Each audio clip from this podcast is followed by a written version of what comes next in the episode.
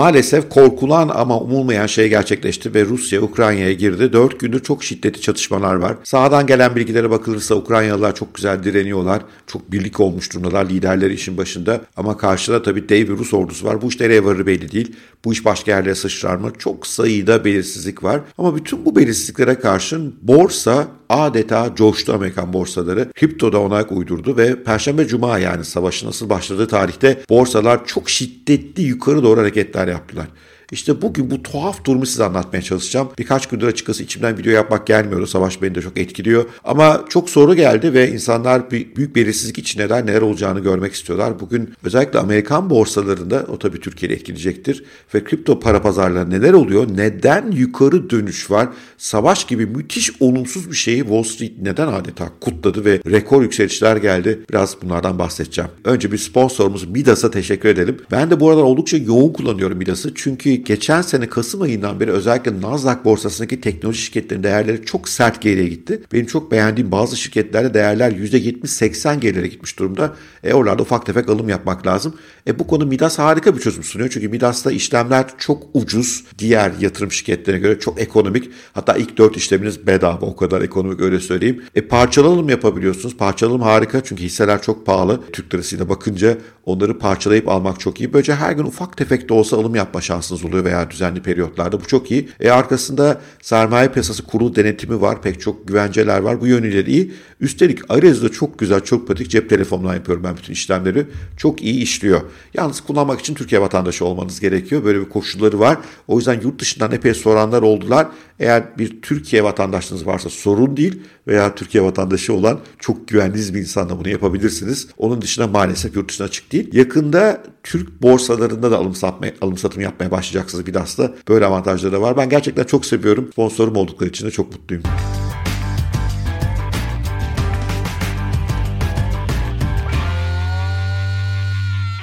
Açıkçası ben de dahil pek çok insan Rusya'nın Ukrayna'ya girmeyeceğini, blöf yaptığını, biraz pazarlık gücünü artırmaya çalışacağını düşünüyorduk. Eğer girerse de bunun doğu bölgelerde işte aylıkça hareketin olduğu bölgelerde gerçekleşeceğini düşünüyorduk.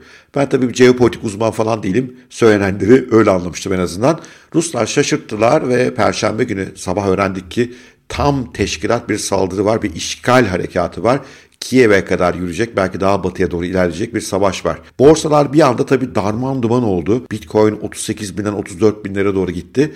Amerikan piyasaları henüz açık değildi. Ön pazar açıktı. Ön pazarda çok sert düşüşler yaşandı ve dedik ki kıyamet kopuyor. Ben de epeyce pozisyondaydım ve bu savaşın moral bozukluğunun yanı sıra bir de buradan biraz paniklemedim desem yalan olur. Sonra Türkiye saatiyle saat 17.30'da Amerikan borsaları açıldılar ve orada sert düşüş başladı. %3 kadar Nasdaq aşağı doğru indi ve sonra orada bir dip bulup yukarıya doğru dönmeye başladı.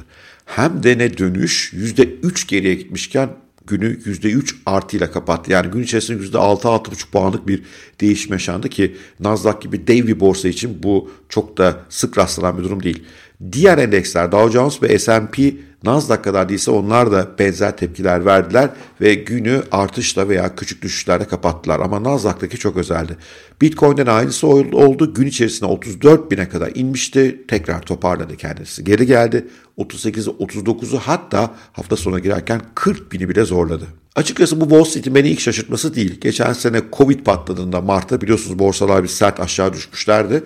Sonra ama beni şaşırtacak şekilde hızla geri döndüler. Hatta Covid öncesi dönemin çok üstüne geçtiler. Wall Street'in böyle tuhaf davranışları var.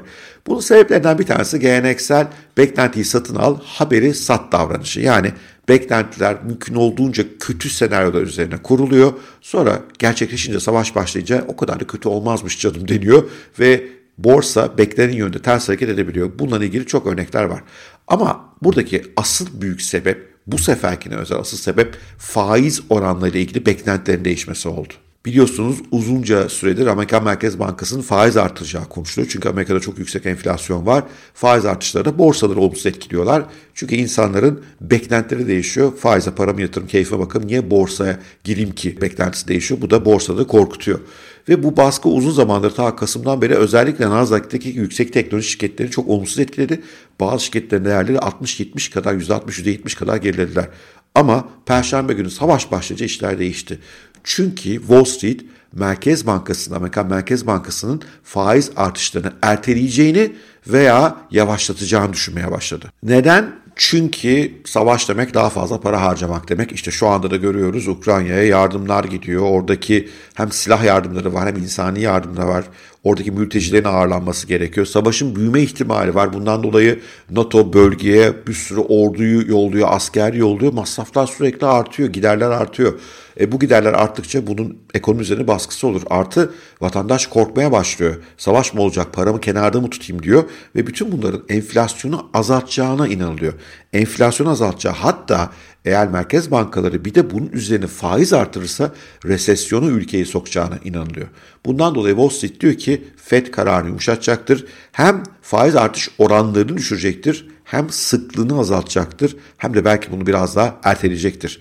E bir yandan da başka beklenen bir şey vardı. Artık Amerikan Merkez Bankası'nın tahvil satın almayacağı hatta elindeki tahvilleri boşaltacağı bunda piyasa olumsuz etkileyeceği düşünüyordu. Şimdi Wall Street diyor ki Amerikan Merkez Bankası bunu da erteleyebilir. Ortalıkta bir savaş durumu varken daha da ekonomiyi sıkılaştıracak önlemlerden uzak durur. İnanç bu. Bundan dolayı savaş gibi süper olumsuz bir mesele aslında borsa olumsuz olumlu yansıyor. Çünkü insanlar diyorlar ki faizler düşecek. Enflasyon şu an Amerika Merkez Bankası'nın ana gündemi olmanın dışında bir süre çıkabilir. E, bu da borsaları olumlu etkiler. Şimdi tabii burada bu iş insani değil. Nasıl olur? İnsanın ölümü üzerine nasıl para kazanır ayrı konular. Hakikaten ben de şaşırıyorum ama durum bu. Peki kripto paralara ne oluyor? Şimdi bir kere unutmayın Bitcoin özellikle Nasdaq borsasıyla aşağı yukarı paralel hareket ediyor pek çok Nasdaq'taki fon yöneticisi Bitcoin'i riskli bir spekülatif araç olarak görüyorlar. Onun temeline pek değinmiyorlar. Çünkü normalde aslında böyle ortamlarda Bitcoin kuvvetli bir araç olarak öne çıkması lazım enflasyonist bir ortamda. Ama öyle bakılmıyor. O da işte Nasdaq'la beraber hareket ediyor. E Nasdaq yükselince Bitcoin yükseliyor. Bitcoin yükselince bütün coinleri yukarı doğru getiriyor. Ama tek sebep bu değil. Bitcoin ve kripto para kullanımının savaşta artacağına inananlar da var. Gerçi bu konuda bazı ipuçları da yok diyemeyiz. Mesela Ukrayna'da kripto paraların kullanımında ciddi artış var. Hem Ukrayna ordusuna, vatandaşlarına insanlar kripto üzerinden yardım gönderiyorlar şu anda. Ukrayna hazinesinde 1,5 milyar dolar değerinde kabaca Bitcoin olduğu biliniyor. Bunu harcayacağı düşünülüyor. Belki daha fazla alacak çünkü bunu bir rezerv gibi görüyor. Ülkede finansal sistem şu anda durmuş olduğundan vatandaş ATM'lerde para bile çekemez hale geldiğinden Bitcoin kullanımında yoğunluk var. Dün birkaç tane mültecinin Bitcoin'e nasıl teşekkür ettiğini gördüm. Bu kaçış sırasında kullanmışlar. Yani bir kere burada bir somut gelişme var.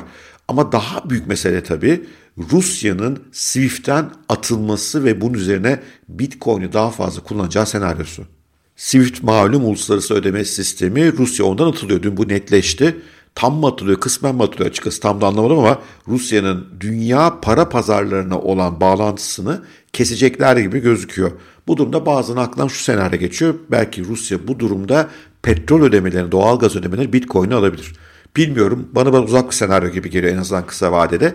Ama Putin'in Bitcoin dostu olduğunu, Bitcoin madenciliğini teşvik ettiğini, bunu destekleyen bir kanunu çıkartmaya çalıştığını biliyoruz.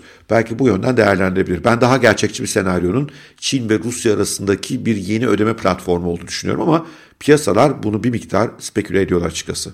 Peki durum bu. Peki bundan sonra ne yapmak lazım? Bana hiç kolay karar değil. Bir, Merkez Bankası'nın Amerika'nın ne tepki vereceğini bilmiyoruz. Sadece spekülasyon var bu konuda. Eğer faiz artışları olduğu gibi devam edecekse borsalardaki o iyimserlik olumsuz dönebilir. Buna karşın faiz artışı ve tahvil alımlarında bir takım rahatlamalar gelirse borsalar daha da yukarı gidebilirler. İki, Rusya büyüklüğündeki bir ülkenin SWIFT'ten atılması çok değişik bir senaryo. Böyle bir şey daha evvel tarihte görmedik. Bunun etkileri ne olur hiçbir fikrim yok. Fikrim var diyene şaşarım açıkçası. Bu tarafını hiç anlamıyorum. Pazartesi sabahı neye uyanacağımızı bu çerçevede görmek zor. Üçüncüsü arkadaşlar bu savaş bu nereye gideceği belli olmaz. Yani şimdilik sadece Ukrayna'da dönen Ukraynalılar uluslararası dönen uluslararası çeşitli teşkilatlarında ülkelerinde işte Ukrayna destek verdiği bir yapı bu. Bu her yere sıçrayabilir. Rusya'yı hafife almamak lazım. Yani evet sahada yeniliyorlar gibi gözüküyor ama bu Rus ordusu sonuçta nükleer bir güç, dev bir güç. Bunu nereye varacağı, nereye sıçrayacağı belli olmaz. Eğer savaş hızlı biterse bu piyasa iyi mi etkiler, kötü mü etkiler onu bile bilmiyorum inanın bana. Hakikaten Rusya karışık. Bu kadar bilinmezin arasında lütfen hiç kimsenin yatırım tavsiyesi falan dinlemeyin. Ben sadece kendi ne yapacağımı anlatmaya çalışayım bir yatırım tavsiyesi olmadan. Ben ufak ufak almaya devam ediyorum.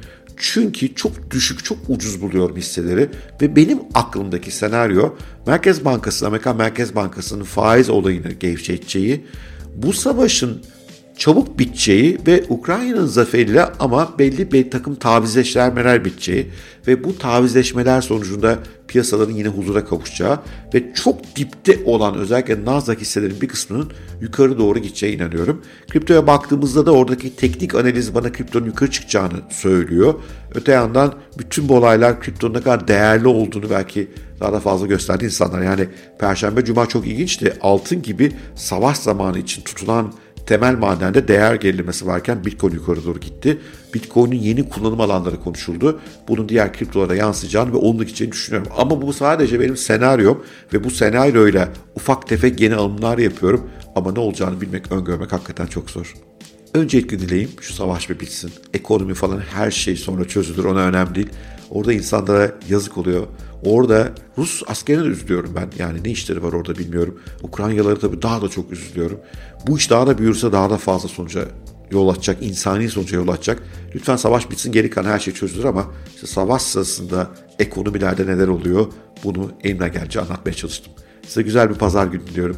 Güzel bir pazar akşamı diliyorum. İnşallah gelecek haftamız geçen haftadan daha olumlu geçer ve savaşın bittiğini, barışı kutladığımız günler yakındadır. Görüşmek üzere, hoşçakalın, sevgiyle kalın.